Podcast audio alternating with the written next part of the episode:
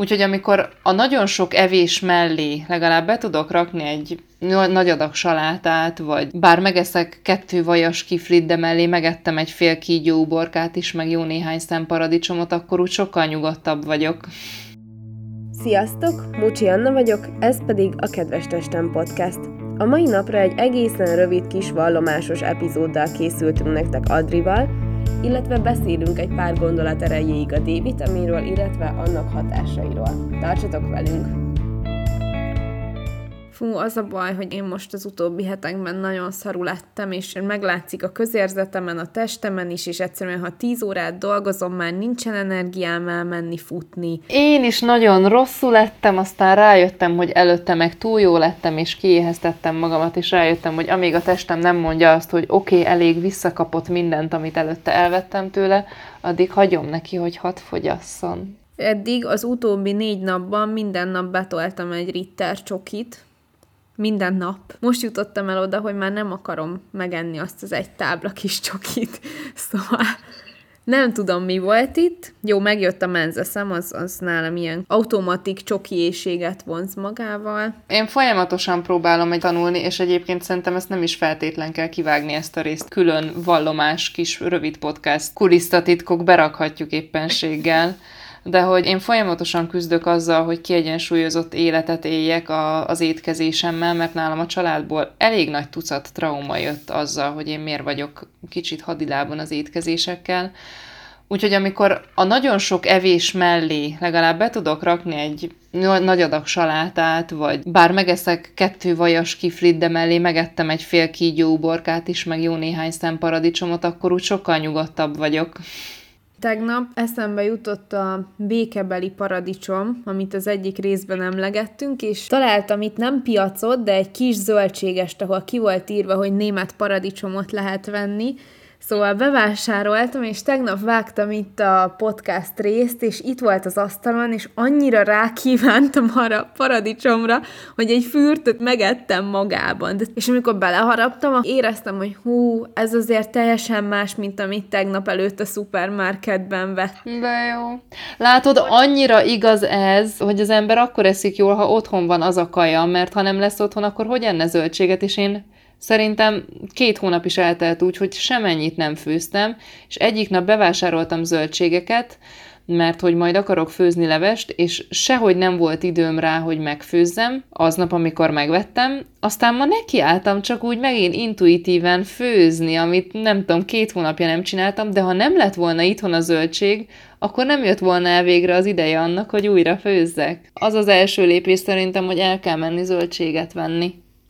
Illetve én most itt azt is szeretném így kicsit magyarázni a bizonyítványomat, vagy mosni kezeimet, hogy én nagyon szeretem a szakmámat, meg igyekszem nagyon sokat olvasni, de se nem vagyok rutinos podcastes, se nem hiszem azt, hogy a szakma csúcsán állnék, és hogy mindenről jól tudom a válaszokat, úgyhogy ha valamit rosszul mondok, írjátok meg nyugodtan, hogy mibe vagyok lemaradva, mert lehet, hogy éppen tegnap nem Igen. olvastam az adott témáról a, a PubMed-en, vagy az, az UpToDate-en, úgyhogy Úgyhogy nyugodtan lehet minket is kritizálni, mert hogy mi sem kritizálunk senkit, szóval, hogy az a lényeg, hogy a tudást összegyűjtsük egy helyre, úgyhogy jöhet a korrekció nyugodtan, ha valamit rosszul mondunk, mert simán lehet. Igen, igen, pontosan.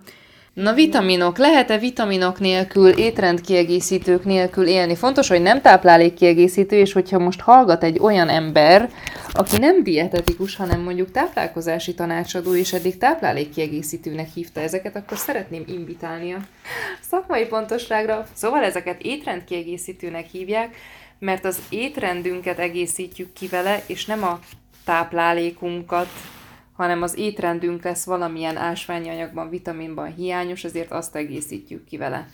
Na, Anna, mi az egyetlen étrendkiegészítő, amit be kell vinnünk mesterségesen, mert nem tudjuk fedezni a táplálkozásunkkal?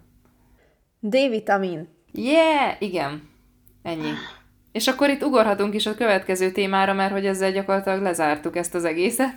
Várj, én még hadd fejtsem ki a D-vitamint. Szóval a D-vitamin az valójában egy prohormon, ami napfény hatására keletkezik a bőrünkben. Utána kémiai változásokon megy keresztül a vesében, illetve a májban, és így éri el az aktív formáját. A szedését alapvetően az őszi, téli hónapokban javasolják, viszont az olyan országokban, ahol nem ér minket elég napfény, vagy ahol elég sok fényvédőt használunk, így nem képes a szervezetünk előállítani a D-vitamint napfény hatására, érdemes egész évben szedni. Megvan életkor szerint az ajánlott beviteli mennyiség, viszont erről most nem szeretnék beszélni, mert annyira egyénenként változó, hogy mindenki kérdezze meg kezelőorvosát és gyógyszerészét. Azt mondják egyébként, hogy egy átlagos egészséges felnőtt embernek a napi 3000 nemzetközi egység az az, amire szüksége van, viszont tényleg ez egyéni variabilitást mutat, szóval érdemes egyeztetnünk erről a kezelőorvosunkkal. Na de, miért tök fontos a D-vitamin?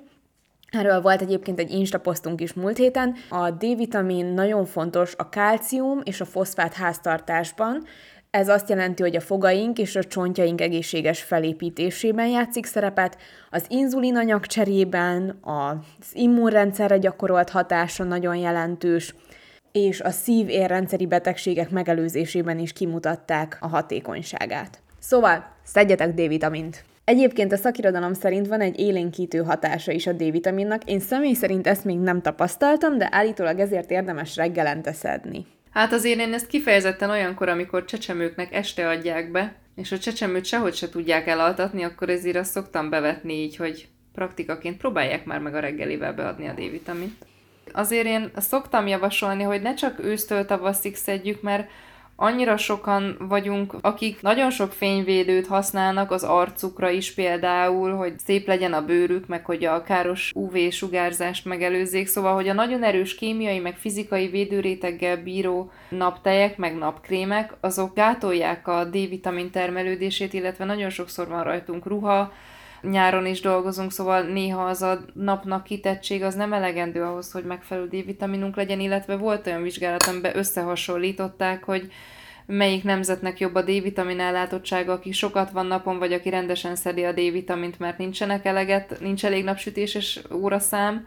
Jobb volt a D-vitamin ellátottság, amikor rendszeresen szedték ezt étrendkiegészítővel. Én nekem volt olyan időszakom, amikor állandóan beteg voltam, tehát nem számoltam, hogy a télen hányszor vagyok beteg, mert folyamatosan beteg voltam, és ez elmúlt időszakban viszont egyáltalán nem voltam, és szerintem én mióta tudományos öntudatomra ébredtem, tehát hogy úgy élek én is, ahogy konzultációkon javaslom a klienseknek, és szedem rendszeresen a D-vitamint, nem vagyok beteg. Ez most nem egy tudományos következtetés, hogy akkor a D-vitamin mindentől is megvéd, de szerintem szerepe lehet benne. Kutatások már igazolták a D-vitamin immunrendszerre gyakorolt hatását.